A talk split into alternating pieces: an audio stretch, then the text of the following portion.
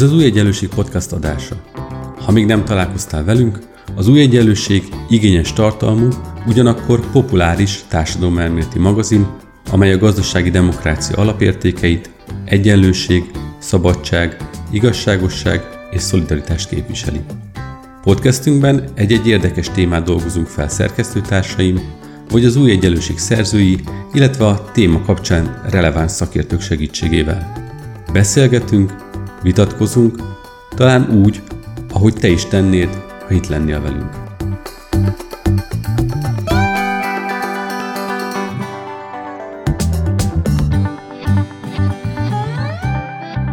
A lakhatáshoz való jogunk az a társadalmi egyenlőtlenség vagy egyenlőség egyik formájának a megjelölés. És ennek az egyik leginkább éles formája az a hajléktalanság kérdése,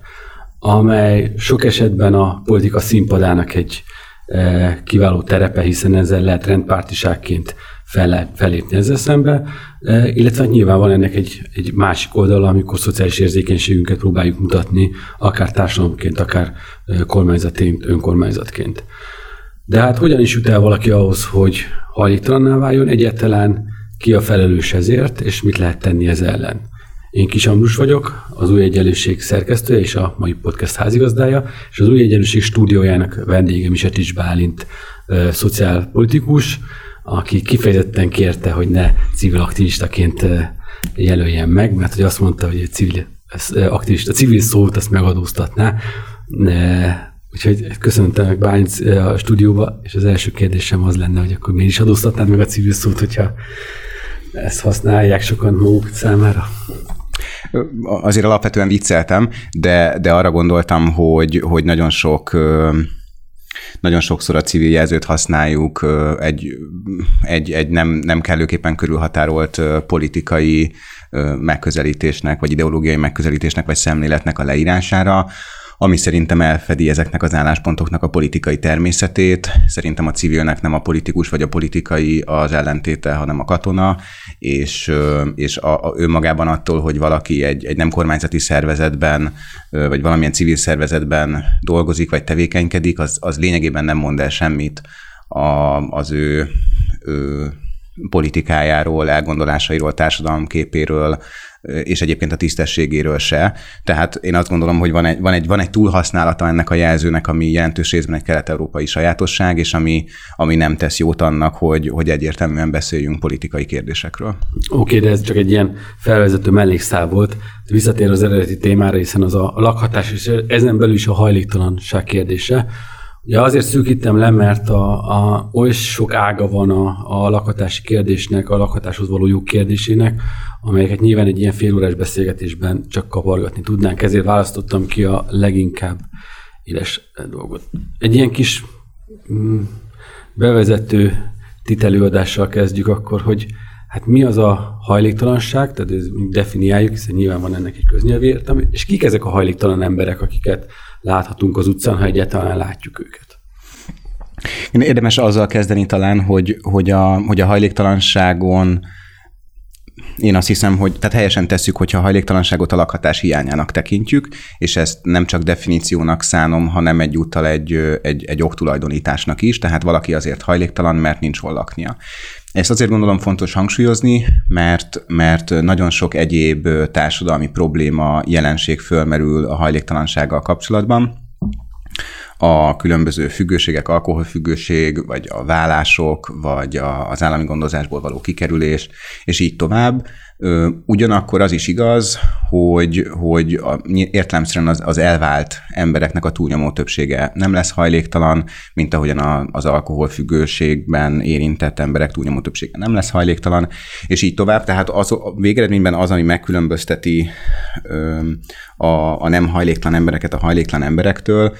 az, az az, hogy nekik nincs hol lakniuk, és egyébként nagyon-nagyon sok ember, akinek számtalan egyéb társadalmi egészségi problémája van,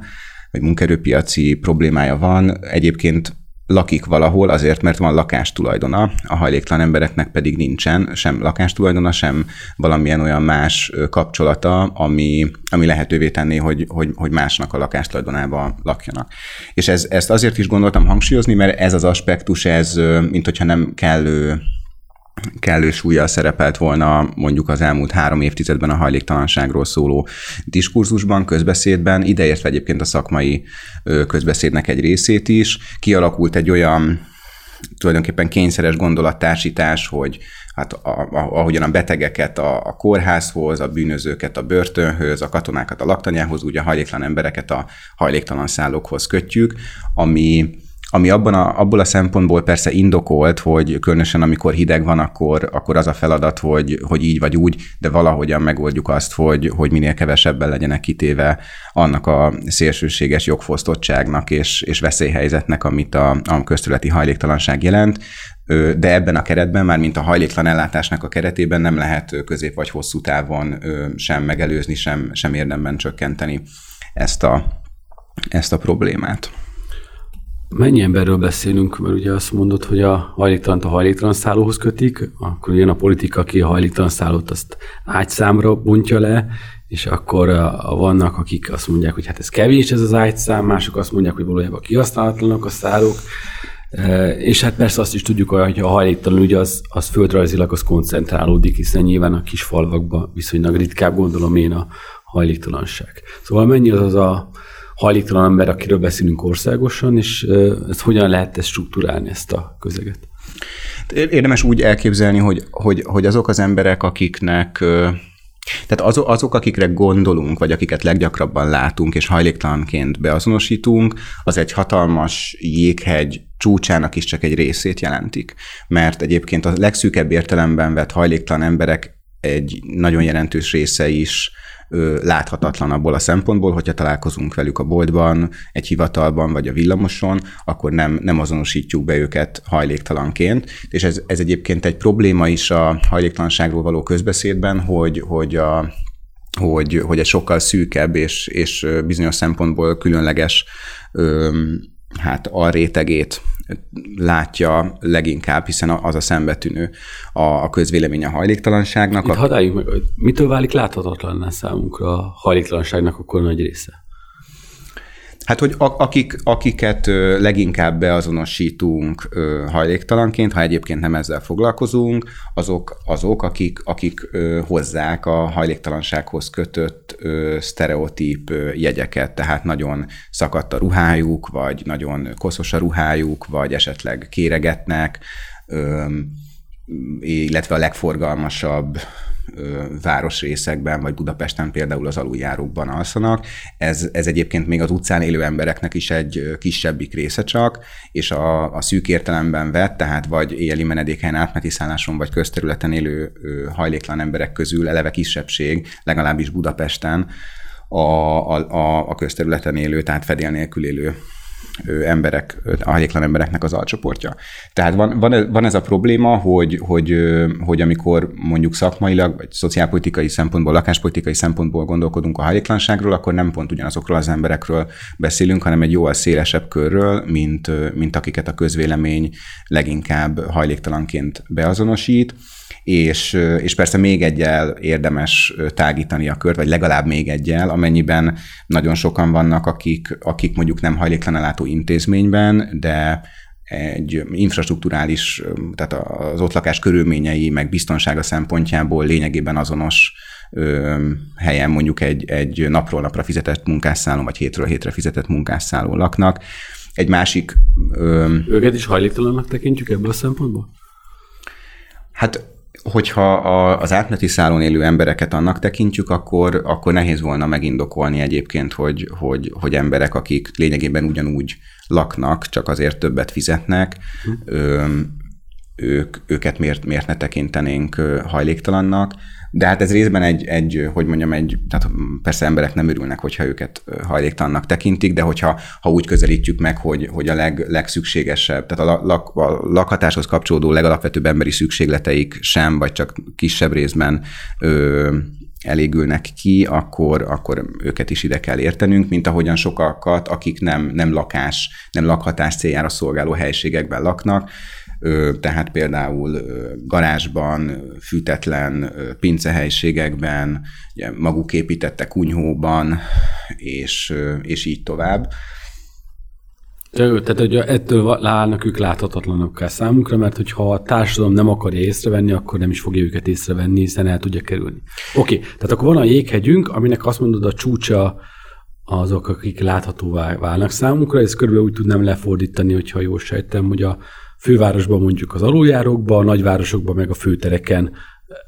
hát tulajdonképpen rendeltetésen szerűen ott alvó emberekről beszélünk. Ők, engem meglepett egy szám, amit mondtál, hogy a csúcsidőben a fővárosban hát 20-50 emberről van szó, akik az aluljárókban laknak, és ebből épül egy hatalmas politikai hát patyom talán, hogy, hogy, hogy akkor ezzel akarja a politika, a rendpárti politika bemutatni, hogy úristen, milyen áldatlan helyzet van. De gondolom a nagyvárosokban sincsen sokkal többen, akik így a, a köztereken. És akkor van egy másik réteg, akik szintén kint alszanak a szabad levegő alatt, de őket nem akarják ők észrevenni, vagy úgy meg tudják oldani az él a lakhatásukat, hát idézjelbe, hogy akkor ne vegyék őket észre. Nyilván ők sokkal-sokkal többen vannak, és ők jelentik a valódi problémát, hiszen 20-50 embert azért meg lehetne oldani a fővárosban szinte. Hát igen, ha, ha ugye az, azért is érdemes szerintem ezt egységként kezelni, már mint a, a szűkebb értelemben vett hajléktalanságot a, a hasonlóan rossz, hasonlóan bizonytalan helyzetben élők közül, de ide tartozik az is, a, aki mondjuk egy ismerősének a, a, a kanapéján alhat ideig, óráig, mert egyrészt ezek között, az élethelyzetek között van, vannak is átmenetek. Tehát amikor arról beszélünk, hogy, hogy nagyon nehéz a hajléktalanságból kikerülni, akkor az alatt nem feltétlenül azt értjük, hogy, hogy nehéz volna, vagy lehetetlen volna mondjuk egy éli menedékhelyről, vagy egy átmeneti szállóról tovább lépni munkásszállóra, vagy egy munkásszállóról albérletbe, vagy valamilyen szívességi lakáshasználatra a rokonhoz, ismerőshöz, hanem hogy nagyon könnyű egyúttal visszalépni is, illetve hogy amire leginkább lehetősége van ezeknek az embereknek, az a lakhatási szegénység különböző formái, illetve szintjei közötti egy lépés előre, kettő hátra, vagy kettő előre, egy, egy hátra típusú, típusú mozgás, tehát hogy, hogy sokan mozognak azért a, a, a, ezek között a nagyon bizonytalan, nagyon rossz, nagyon rossz lakhatási helyzetek között, illetve ennek a belátása egyúttal megerősíti azt, amit korábban mondtam, hogy miért nem lehet csak hajléktalan ellátó intézményekkel kezelni ezt a problémát, azon kívül, hogy persze elvben sem lehet, hiszen a hajléktalanságnak az ellentéte az az, hogyha valakinek van hol laknia, van otthona, és ezt értelemszerűen egy ilyen menedékhely vagy egy átmeneti szálló nem tudja biztosítani. Ez pedig az, hogy nagyon leegyszerűsítve, mert ez egy, a hajléktalanátó intézményrendszer az, az sokrétű és különböző színvonalú, profilú intézmények működnek, de ha nagyon leegyszerűsítem, akkor azt mondom, hogy, hogy létrehozhatnánk például több tömegszállás típusú éjjeli menedékhelyet vagy másrésztről létrehozhatnánk aránylag magas színvonalú, a magánszféra minimumát esetleg valamilyen módon biztosító, kevésbé túlzsúfolt intézményeket. Egyiktől sem feltétlenül csökkenne a közterületi hajléktalanság, mert az első intézménybe a közterületen élő hajléktalan emberek egy jelentős része esetleg továbbra sem szeretne bemenni, vagy nem tudna ott, ott megmaradni. Ez, részben ez magyarázza egyébként, hogy Budapesten az elmúlt években a téli krízis időszakban sose emelkedett 90% fölé a, az éli menedékhelyek kihasználtsága. Nem azért, mert ne lettek volna még sokan az utcán, hanem azért, mert hogy ez a maradék férőhely, ez a ez az intézményrendszernek a leg, legtúlzsúfoltabb, legalacsonyabb színvonalú, legélősködőktől leginkább fertőzött részét jelenti. Ha viszont ennél magasabb színvonalú ellátást hozunk létre, akkor, akkor az jelentős részben úgymond fölülről töltődne föl, pont azért, mert olyan sokan élnek hasonlóan rossz, noha nem láthatóan rossz, de hasonlóan rossz körülmények között, hogy, hogy, hogy nekik megérné egy nagyon bizonytalan szívességi lakáshasználatot, vagy mondjuk egy az utóbbi időben meglehetősen drágává vált munkásszállós elhelyezést lecserélni. Ez, ez, ez a hajléktalanságról szóló magyar irodalomnak egyik, az egyik fontos belátása, hogy a hajléktalan szállók azok nagyon jelentős részben nem alulról, hanem fölülről ö, töltődnek föl, tehát a lakásukat elvesztők ö, kerülnek oda, ö, tehát úgy, úgy növekszik tulajdonképpen a hajléktalanátásban elszállásolt embereknek a száma, hogy ezzel párhuzamosan viszont nem csökken, vagy semmiképpen sem csökken annyival a, az utcán élők száma. Tehát ezért mondod azt, hogy könnyű visszacsúszni a rendszerben, mert hogy sőt, nem is visszacsúszás, hanem azt mondja valaki, hogy hogyha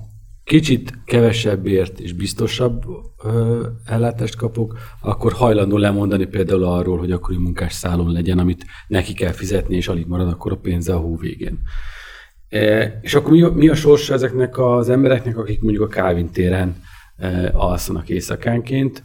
ő nekik, ők azért nem mennek bele a rendszer, bemennek a rendszerbe, mert ugye olyan e, férőhelyekkel találkoznának, amikre azt mondják, hogy még a Kávin tér is komfortosabb? Az fontos, hogy, hogy, hogy az legyen a kiinduló pontunk, hogy, hogy Budapesten egyébként a, hajl, a szűkértlen vett hajléktalan embereknek a többsége éjjeli menedékhelyen vagy átmeneti szálláson alszik. Tehát az, az biztosan nem igaz, hogy a hajléktalan emberek úgy általában nem vennék igénybe a hajléktalan ellátó Ez egy nagyon fontos elmondat, mert ugye a, ugye a rendpárti fellépés a hajléktalansága szemben azt mondja, hogy hát nem veszik igénybe az emberek, ezek nem veszik igénybe, és ezért fel kell lépni ellenük, ezkor van az, hogy akkor rájuk szabadítják a rendőrséget, és akkor meg megpróbálja őket eltuszkolni onnan, ha nem tudjuk hová persze. Igen, tehát, tehát Budapesten a hajléktalan emberek, az ilyen értelemben vett emberek többsége ö, igénybe veszi az éli menedékhelyeket, átmeneti szállásokat. Még egyébként az utcán élő emberek egy jelentős része is igénybe veszi a nappali melegedőnek a szolgáltatásait, tehát még hogyha utcán is él, vagy ott, ott alszik, is bejár ügyet intézni, melegedni, zuhanyozni, mosni, fürdeni, és így tovább nappali melegedőkben. Tehát ez, ez, ez, ez egy fontos dolog. A, a másik fontos dolog az, hogy, hogy nem csak az a probléma, hogy a, hogy a, hogy a hajléktalan emberek egy része ö, nem fér hozzá ö, jobb szolgáltatáshoz, és ezért esetleg nem, nem marad meg egy éjjeli menedékhelyen, hanem az is egy probléma, hogy, a, hogy a, az utcán élő emberek, és különösen egyébként a leginkább látható, leginkább észrevehető embereknek egy jelentős része, ők olyan többlet szükségletekkel rendelkeznek, amelyek nem teszik lehetővé még akár Budapesten sem, hogy, hogy megfelelő elhelyezést tudjanak kapni. Tehát ugye van, van ez az alap probléma, hogy, tehát, hogy a férőhely számokról beszélünk, de igaziból nincs ilyen, hogy férőhely. Tehát ez egy abstrakció. Nagyon nem mindegy, hogy az éjjeli menedékhely, vagy átmeneti szállás, hogy férfi férőhely, vagy női, hogy akadálymentes ez a férőhely, hogy tudnak-e ott fogadni valamennyi egészségügyi, tehát táplási gondozási szükséglettel bíró embert, és így tovább. És hogyha valaki ezek közül a vagy párokat esetleg, vagy el lehet -e helyezni ott valakit kutyával, hogyha valaki ezekből a szükségletekből vagy, vagy jellemzőkből többet hoz egyszerre, tehát van valamilyen egészségi problémája is, és, és mozgáskorlátozottsága is, akkor még Budapesten is, ahol pedig a nagyobb városok jelentős részéhez képest sokkal kiterjedtebb és, és komplexebb az ellátórendszer, nem, nem magától értetődő, hogy az utcai szociális munkások vagy az utcai gondozó szolgálatok tudnak arra az éjszakára elhelyezést biztosítani számára, és erre jön rá az, hogy, és ez tulajdonképpen az egyik tabu témája a hajléktalan ellátásnak, hogy, hogy megint csak nem csak az a kérdés, hogy a hajléktalan emberek szeretnék-e, hogy szeretnének-e bemenni ezekre az intézményekre, hanem hogy egyébként ezek az intézmények szeretnék-e, hogy, hogy a tartósan utcán élők ö, bemenjenek hozzájuk. Azt és hiszem, hogy megint egy fontos részhez érkeztünk. Miért is? Hiszen ők ebből élnek. Igen, de, de nem nem, nem érdekeltek abban, hogy, hogy pont abban nem érdekelt a jelenlegi szabályozási, finanszírozási struktúrában a hajléklátó intézményrendszer, hogy, a, hogy, hogy azokat, akik hát egyébként a leginkább indokolt, a leginkább szükséges volna elhelyezni, elhelyezzék, mert ezek, ezekre az emberekre több, több, több, szol, több szolgáltatási igénye van, több, több figyelmet az ő szempontjukból több problémát jelentenek. Tehát ezt még számszerűsíteni is lehetne, hogyha valaki fölvesz egy, egy, egy kerekeszékes, kerekeszékkel közlekedő hajléklan embert, akkor ő, akkor ő a helyet nem tud fölvenni két-három nem kerekeszékkel közlekedő embert, és akkor mondjuk az a finanszírozását is érinti. De nem is annyira a finanszírozásról van szó, hanem egyszerűen arról, hogy van a, van a hajléktalanságnak egy, ez egy, ez egy kis, kis része a hajléktalan embereknek, akiknek mindenféle egyéb problémájuk is van azon kívül, hogy, hogy, hogy nem nincs hol lakniuk, akiket, akikkel igaziból, ha teheti, akkor senki nem foglalkozik szívesen. Tehát sem a, sem a hajléktalanátó intézményrendszer, sem egyébként az egészségügyi rendszer, aminek gyakran több feladata volna ezzel kapcsolatban, mint a hajléktalanátó intézményrendszernek. Gondolok itt addiktológiai, pszichiátriai ellátásra különösen. És egyébként a rendőrség sem, ami miatt nem volt nagyobb gyakorlati hatása a közterületi hajléktalanság immáron szigorú betiltásának, az én azt gondolom, hogy jelentős részben abból következett, hogy, hogy, hogy nem a, a, a rendőrség sem szívesen foglalkozik ezer okból, és részben rossz indokok miatt, de részben meg méltányolható indokokból ö, ezekkel, a, ezekkel az emberekkel. Tehát amik, én azt gondolom, hogy ez jelentős részben a, a rendőrségnek a terepszintű ellenállásán múlt, ami, ami részben jó indok, amennyiben szerint én azt hiszem, és a terepen is azt tapasztalom, hogy azért a rendőrök egy jelentős része nem gondolja, hogy rendőri feladat volna a legeslegszegényebb, legelesettebb embereknek a, vegzálása, nem látják ők sem értelmét, de, de az is beletartozik, hogy, hogy ezeket az ember, tehát hogy nem, nem akarja a rendőrkocsit elvinni utána fertőtleníteni, meg nem, ne, nem akar ezzel foglalkozni. Tehát, hogy, hogy sajnos ez, egy, ez bizonyos értelemben egy ilyen civilizációs probléma, amit, amit nem sikerült eddig megugrani, hogy, hogy, hogy bizonyos, tehát hogy, hogy, hogy, hogy, hogy, hogy ne fordulhasson az elő, hogy, hogy pont, a, pont a legtöbb szükséglettel, külön szükséglettel bíró emberek maradjanak legnagyobb valószínűséggel az utcán, azért mert az ő elhelyezésük lenne egyébként a legbonyolultabb, meg a leg, leg, leg, legköltségesebb. De te ez rossz példa és lehet, hogy almát hasonlítok a körtivel, de azért a oktatási rendszerben is ismerjük azt, hogy ha vannak hátrányos helyzetű gyerekek, tanulási nehézségekkel küzdő gyerekek, akik plusz energiát igényelnek, igényelnek a rendszertől, akkor ott azt erőforrásba, akár anyagi, akár humán erőforrásba ott megerősíti a, a rendszer, és megpróbál azon segíteni. Tehát, hogyha jól értem, erre azért látunk analógiát más ellátórendszerekből. Lehetne itt is azt mondani, akár az államnak, hogy, hogy hát akkor több erőforrást adok ide, akkor értem, hogy egy kerekesszékes ember az lehet, hogy két embernek a kapacitását köti le, de akkor megemelem, akkor több normatívát adok utána. Tehát azért erre lehetne így messziről nézve megoldásokat találni. Abszolút, és erre voltak is egyébként törekvések, tehát az például, hogy, hogy létrejöttek a 24 órás orvosi ügyeletek, vagy egészségügyi centrumok Budapesten, illetve a, a lábadozós férőhelyek, vagy lábadozó férőhelyek, amelyek ilyen formában egyébként nincsenek is nevesítve a szociális törvényben, vagy a végrehajtási rendeletében, de pont erre a terep tapasztalatra válaszként jöttek létre, hogy, hogy vannak azok az emberek, akik, akik nincsenek elég rosszul ahhoz, hogy, hogy kórházi ellátásuk feltétlenül indokolt volna, viszont nincsenek olyan jól, hogy, hogy egy ilyen menedékhelyen ö, tudjanak élni, különösen nincsenek olyan jól, hogy, hogy, hogy, hogy, hogy, hogy utcán éljenek. Tehát, hogy voltak erre próbálkozások, egyébként a fővárosi önkormányzat által a hajléklátó szervezeteknek nyújtott többlet támogatás is alapvetően azt igyekszik célozni, hogy a, hogy a tartósan utcán élők az egyéb iránt nehezen elhelyezhető hajléktalan embereknek a, az elhelyezését elősegítse, de azért ez, ez, ez nehéz. Én ezt részben egyébként az utcai szociális munkás tapasztalataim alapján mondom, amit én úgy kezdtem el ezt a munkát csinálni, hogy előtte már nagyon sokat foglalkoztam hajléktalansággal, és az egyik, egyik megdöbbentő és visszatérő tapasztalatom az pont az volt, hogy utcai szociális munkásként az első feladat az gyakran az, hogy egy, egy már korábban nagyon-nagyon-nagyon sok rossz tapasztalatot szerzett utcán élő embert se, tehát segíteni, meghozni őt abban a döntésében, hogy akkor bejöjjön valahova, és utána van egy következő feladat, ami bizonyos értelemben szintén szociális munka, hogy, a, hogy ezeknek az éli menedékhelyeknek vagy egészségügyi centrumoknak a dolgozóival megértetni, hogy ö, ebben hát, neki megpróbálni egy olyan helyzetet előállítani, hogy ők, ők ott esetleg akarják is fogadni ezt a hajléktalan embert. Tehát, hogy, hogy ez, ez kívülről nem látszik, de hogy, hogy tehát az, hogy menny, mennyien élnek a, a, az utcán, azért az jelentős részben azon múlik, hogy, hogy mennyire befogadóak ezek az intézmények, hogy mennyire, ha van valami probléma, akkor mondjuk rögtön kitiltanak-e valakit, egy éjszakára tiltják-e ki, vagy, vagy két hónapra, fél évre, örökre. Ö, hogy, hogy mennyire toleránsak a, a különböző szabályszegésekkel, vagy egyáltalán úgy alakítják ki a szabályokat, a házi rendet, hogy az, hogy az a ténylegesen létező hajléktalan emberek számára működőképes legyen, és legalább ilyen fontos egyébként ennek az egésznek a, a ha szabad úgy mondanom, puha vagy, vagy emberi része, hogy hogyan beszélnek ott az emberrel. Ugye sok minden távol tartat egy utcán élő embert attól, hogy bemenjen, értelemszerűen az ilyen, hogyha nincs olyan hely, ahol őt tudnák fogadni. Tehát ez nagyon fontos, hogy a legeslegelső ok az, Fizikai akadály. az, az nem az, hogy ő nem akar, hanem hogy nem tudják fogadni. A másik az, az, az amikor a különböző ilyen előírások, hogy nincsen fél évnél ö, nem régebbi tüdőszűrő papírja, vagy ilyen-olyan igazolása, irata és a többi. De a, de a harmadik az pedig az a, az a kiskorúsítás, vagy, vagy megalázá, megalázó bánásmód, vagy tiszteletlen bánásmód, ami, ami előfordul. Ö,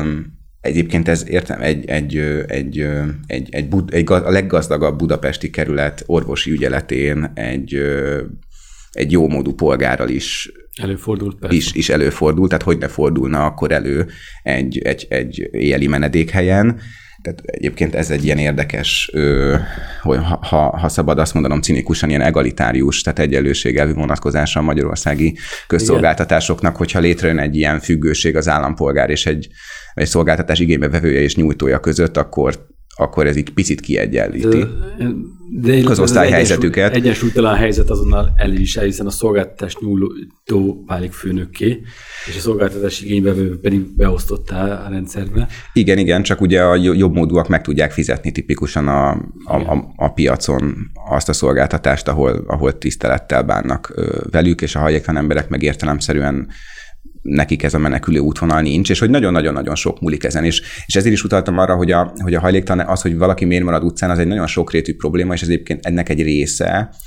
az arról gondolhatjuk azt, hogy, hogy, hogy, hogy diszfunkcionális abban az értelemben, hogyha azt gondoljuk, hogy még a legjobb fűtött helység is vagy bocsánat, a legrosszabb fűtött helység is jobb mínusz 10 fokban, mint kint lenni, de hogy, hogy a hajléktalan embereknek a, a, az önképének a bizonyos értelemben is talán paradox módon a társadalmi státuszának vagy önértékelésének a fenntartásáról is szól az, hogyha valaki elutasítja azt, hogy bemenjen egy olyan helyre, ahol ő úgy érzi, hogy, hogy, hogy, hogy nem megfelelően bánnak vele. Tehát, hogy részben jó, jóka is lehet valakinek arra, hogy vonakodjon elfogadni egy ilyen elhelyezést, amivel természetesen nem azt akarom mondani, hogy a hajléktalan ellátó intézményrendszerben dolgozók meg úgy általában megalázóan bánnak a hajléktalan emberekkel. Nyilván nem, de az biztos, hogy ez egy létező probléma, és az is biztos, hogy ez, ez visszatart hajléklan embereket ezeknek a szolgáltatásoknak az igénybevételétől, és a szabad kitekintő jelleggel azt is mondani, hogy ez, ez pedig nem elválasztható attól, hogy a jelenlegi bérszínvonal olyan a szociális szolgáltatásokban dolgozók körében, hogy, hogy valaki vagy a létminimum körüli ö, életszínvonalat tud csak magának megengedni, vagy pedig két-három állásban kell ahhoz dolgoznia, sokat kell túlóráznia, és így tovább ahhoz, hogy meg tudjon élni, főleg akkor, ha nincsen lakástulajdona, és, és, és nehéz egyébként elvárni ugyanannyi odafordulást, figyelmet, türelmet, gondosságot valakitől, aki aki úgy, úgy küzd maga is a lakhatásáért, hogy, hogy közben meg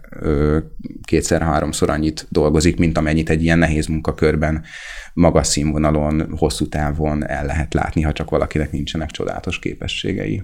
Szinte biztos egyébként, hogyha valakinek gyerekei vannak, akkor ebből a szociális munkás fizetésből tudja, hogy létminimum alatt él egyébként a háztartás. Tehát, hogy az Inkább azt mondom, hogy azok a csodahelyzetek, akik a létminimum fölé tudnak menni, vagy akkor ezek ilyen egykeresősek, de akkor meg oly mértékben nagyok a fajlagos lakhatási költségei, amelyek elviszik a,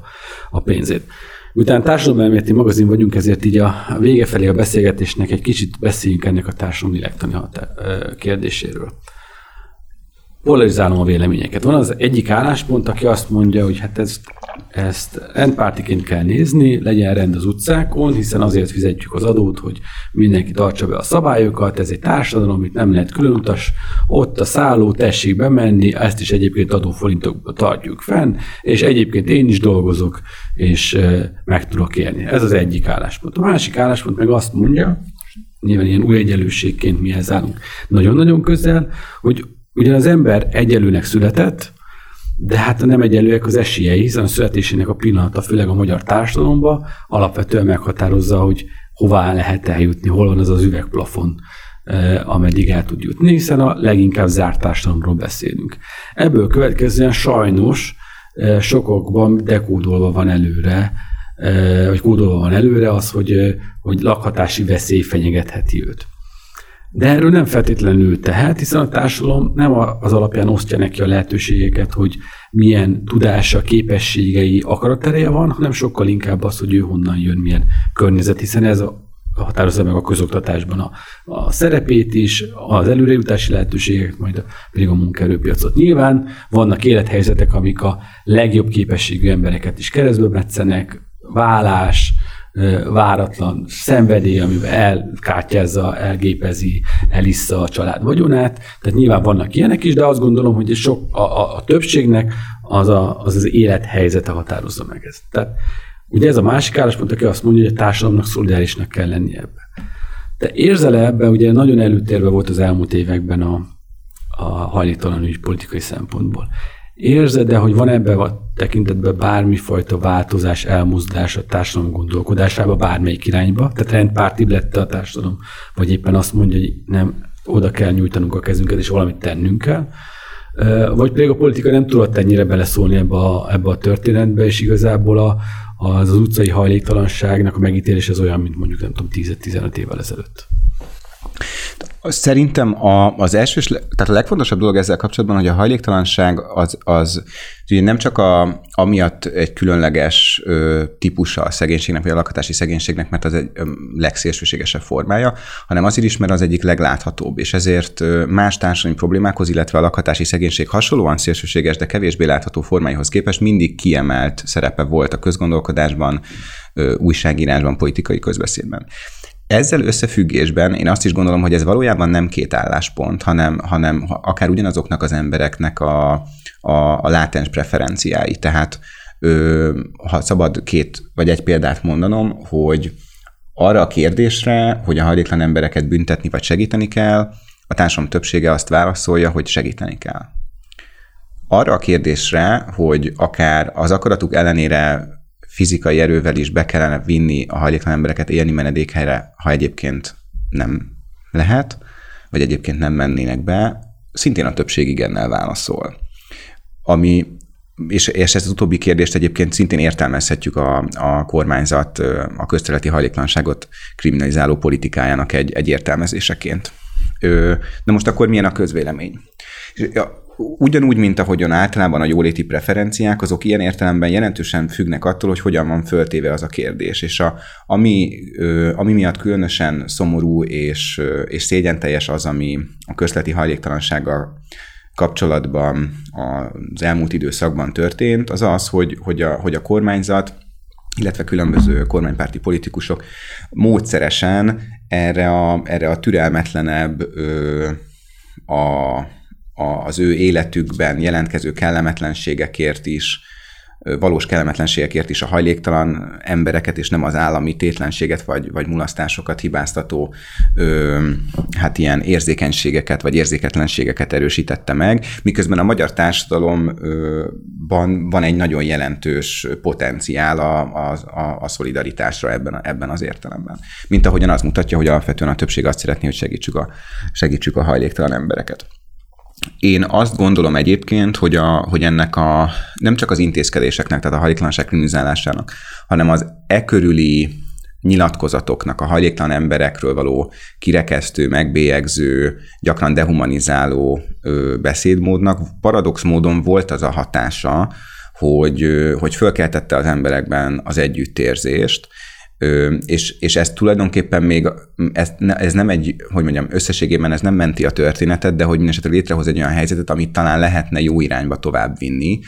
mert azért összességében nem az a, a, a legsúlyosabb jogsértés az nem az, ha valakit ö, a rendőr meg akar bírságolni, vagy, vagy elő akar állítani azért, mert hajléktalan, hanem én azt gondolom, hogy ennél egy fokkal súlyosabb jogsértés, hogyha valaki hajléktalan. Tehát, hogy, hogy, a, hogy az, az alapjogsértés az ez. És ebben sajnos a rendszerváltás óta kialakult egy ilyen ö, tehát, hogy, hogy, hogy, és ez az egyik legfontosabb kulturális változás szerintem a rendszerváltás óta, hogy, hogy, hogy, a, hogy a tömeges utcai hajléktalanság az egy pont ugyanolyan magától értetődő részévé vált a, a városi életnek, mint a közlekedési lámpák, a közlekedési dugók, a rossz levegő, és így tovább. És hogy ezt az állóvizet megbolygatta, rossz irányból, de megbolygatta az, hogy, hogy, hogy akkor a kormányzat ennyire beleállt abba, hogy, hogy már pedig ez egy, ez egy büntetendő élethelyzet, és én azt gondolom, hogy sokan, sokan emiatt kezdtek el foglalkozni a kérdéssel, emiatt kezdtek, kezdték el végig gondolni, hogy jó, ez, ez nem tűnik sem tisztességesnek, sem emberségesnek, de akkor mi lenne a megoldás, mert hogy az biztosan nem megoldás, ami volt egyébként. És a Város minden két csoport, aminek az egyik alapító tagja vagyok, mi pont azért figyeltünk nagyon arra, hogy, hogy soha se lehessen úgy félreérteni az álláspontunkat a kriminalizációval utasításával kapcsolatban, hogy akkor ez bármilyen módon ö, egy elfogadó attitűdöt jelentene a közteti hajléktalansággal kapcsolatban is. Ugye ezért volt az a követelésünk, hogy lakhatást, ne zaklatást, hogy a, hogy a kriminalizációval szemben egy ilyen lakás lakásközpontú megközelítés hangsúlyozzunk, és szerintem ebben egyébként azért történtek előrelépések. Ez a közpolitika szintjén még nem annyira jelentkezik, de azért vannak modellprogramok az utcáról lakásba egyesület és mások részéről, akik ezt a lakhatási megközelítést igyekeznek a gyakorlatba átültetni, illetve egyre a közbeszédben is egyre több ször merül föl, hogy, hogy mondjuk Finnországban vagy másút mennyire sikeresek azok a programok, amik nem úgy állnak hozzá, hogy, hogy először oldjuk meg ezt, meg ezt, meg ezt, meg ezt, meg ezt a problémát, és hogyha már minden problémádat megoldottad a, az életben, akkor lehet, hogy újra fogsz tudni lakni valahol, hanem megfordítják ezt a gondolkodást, és, és mindennek az alapjának, a, az egészségnek, a munkavállalásnak, a családnak, és így tovább az alapjának azt tekintik, hogy, hogy, hogy, hogy, hogy legyen hol lakni. Úgyhogy Úgyhogy igaziból az a kérdés szerintem, hogy kormányzati szinten nyilván nem nagyon, de, de hogy önkormányzati szinten, nagyvárosi kerület, illetve fölösi önkormányzati szinten hogyan lehet kimozdítani nem, valószínűleg egyébként nem könnyen, mert ezeknek az intézményrendszereknek évtizedes múltjuk van, és emiatt jelentős útfüggőségük, meg nehézségi erejük, intézményi érdekek is kapcsolódnak hozzájuk, de hogy hogyan lehet ezt a kiépült hajléklan ellátó intézményrendszert abban az értelemben kinyitni, hogy, hogy ne, ne csak az intézményi elhelyezésben gondolkodjunk, illetve eleve ne csak a már hajléktalanná vált embereknek az ellátásáról gondolkodjunk, hanem legalább ilyen hangsúlyosan arról is, hogy mit kellene tenni annak érdekében, hogy egyébként ne váljanak emberek hajléktalanná. Mert, és emiatt, ha szabad visszatérnem, mert nyilván ez közbeszéd téma lesz a következő hónapokban, ahogy jön a tél, emiatt is, emiatt sem lehet egyszerű választ adni arra a kérdésre, hogy van elég férőhely, mert ha van mondjuk x száz utcán élő ember jelenleg, a, abból nem következik, hogy megoldjuk a közterületi hajléktalanság problémáját, ha létrehozunk pont ugyanennyi új férőhelyet. Mert hogy hogy ugye a hajléktalanság az egy olyan élethelyzet, ami újra termelődik, mert folyamatosan vesztik el az embereket, a emberek a lakhatásukat, elhelyezés nélküli kilakoltatások és, és egyéb okból kifolyólag, és, és ez a megközelítés, mert ez a megelőző megközelítés, ez nagyon-nagyon kevéssé volt jelen az utóbbi időszakban a politikában, tehát hogy én, ebben látom az egyik kihívást. Hogy ilyen értelemben kinyitni a, magát a problémakört, hogy akkor, amikor a hajléklanságról gondolkodunk, akkor nem az aluljárokról, de még csak nem is az utcán élésről, és még csak nem is a hajléklanáltásról gondolkodunk, hanem arról, hogy hogyan lehet megelőzni emberek hajléklanná válását, és másrészt hogyan lehet biztosítani azt, hogy aki ö, aki már hajléktalanná vált, neki legyen valódi esélye ö, valóban biztos otthonhoz jutni, és ezért ez alapvetően egyébként ö, pénzkérdés. Ö, ha, mert ugye van egy szakadék a között, ami az embereknek a jövedelme, és amiben a lakhatás kerül abban az esetben, ha valakinek nincsen lakástulajdona. És ez egy legalábbis Budapesten, de más nagyvárosokban is azt követően, hogy így nem tudom, néhány év alatt kétszeresére, de mondjuk 6-7 év alatt két és félszeresére növekedtek a lakbérek. Az alapprobléma az, hogyha hiába oldod meg, ahogy mondtad a, a, lakhat, a, a hajléktalan ügyet, hogyha az újra termeli magát, mitől termel újra magát, hogy nincs elég bér, amiből ki tudja fizetni a lakhatását, és csúszik, csúszik, csúszik lefele, hátralékokba csúszik bele, majd az utcán találja magát, tehát ez Hát bér, hogy... illetve egyéb ellátások, tehát nyug, nyugdíj, vagy rokkantsági ellátást, tehát valaki kap 35 ezer forint, vagy akár 50 ezer forint rokkantsági ellátást, hogy tudna lakni valahol? A szobát nem tud valaki bérelni Budapesten, de egyébként más nagyvárosban sem ennyi. De hát alapvetően ugye arról beszélünk, hogy maguk a szolgáltatói oldal is létminimum alatt él sok esetben, tehát maguk a szociális munkások, akiknek meg kéne oldani a problémát, tehát ők is a lakhatás, nem lakhatás határán billegve élik át ezt a helyzetet. Ugye egy pár perccel ezelőtt mondtad azt, hogy a azt, hogy egyszerre rendpárti a társadalom, aki azt mondja, hogy még akaratuk ellenére is be kell vinni az embereket a hajléktalan szállóra, és egyszerre mondja azt, hogy egyébként segíteni kell a hajléktalanokon, erre ezt ilyen ellenhúdásként mondod, én azt gondolom, itt lezárva a beszélgetést, hogy lehet, hogy mögött inkább ismerethiány is van, mert hiszen a hajléktalanokságról egy tömként gondolkodunk, sőt sok esetben inkább a hajléktalanokat azt gondoljuk, hogy azok, akik a főtereken vannak, meg a parkokban vannak, meg az aluljárókban vannak, miközben, hogy beszélgetésben elhangzott ez a jéghegy csúcsa, és tulajdonképpen nem is olyan dráma jön nagy szám ez a rész. A sokkal nagyobb réteg, akik lent vannak, csak ők a láthatatlan hajléktalanjaink, és hát azt gondoljuk, hogy azzal teszünk jót nekik, mert ők önmaguktól nem tudják, hogy mi a jó, hogyha itt őket karhatalom segítségével berakjuk a szállóba, ahol egyébként jó meleg körülmények között fogadják őket. Szerintem a mai beszélgetés arra mindenképpen rávilágított, hogy nem igaz az a mítosz, hogy e, korlátlanul lennének jó meleg szállóhelyek, ahol kiváló körülmények között lakhatnának az emberek, sőt, ugye azt mondod, hogy pont ez a 10% ami üresen szokott állni, ez az a legveszélyeztetettebb közegészségügyi szempontból, és hát az a másik probléma, hogy hát a hajléktalanságot nem szabad legfőképpen megengedni, hogy újra termelje magát, hiszen abban a pillanatban egy ilyen állandó szélmalomharccal nézünk szembe. Itt zárásképpen nagyon-nagyon szépen köszönöm, a, hogy elfogadtad a meghívást. Szerintem egy jó beszélgetés volt abból a szempontból, hogy akkor az elején megtarttuk ezt a tudományos ismeretterjesztő előadást, és a hajléktalanságról is tudtunk beszélni új egyenlőség szempontból is a, a kérdésről azok, akik hallgattak minket korábban, azok tudják, hogy van lehetőség arra, hogy a véleményük van, véleményetek van, észrevételtek van, akkor ezt meg lehet tenni a szokásos csatornáinkon, ez a Facebook oldal az új egyenlőségnek, vagy pedig az infókukat újegyenlőség.hu oldal. Továbbra is hetente próbálunk jelentkezni új podcastolásokkal, és Bálint még egyszer köszönöm, hogy elfogadtad meghívást. Én is köszönöm. Köszönjük, hogy velünk voltál!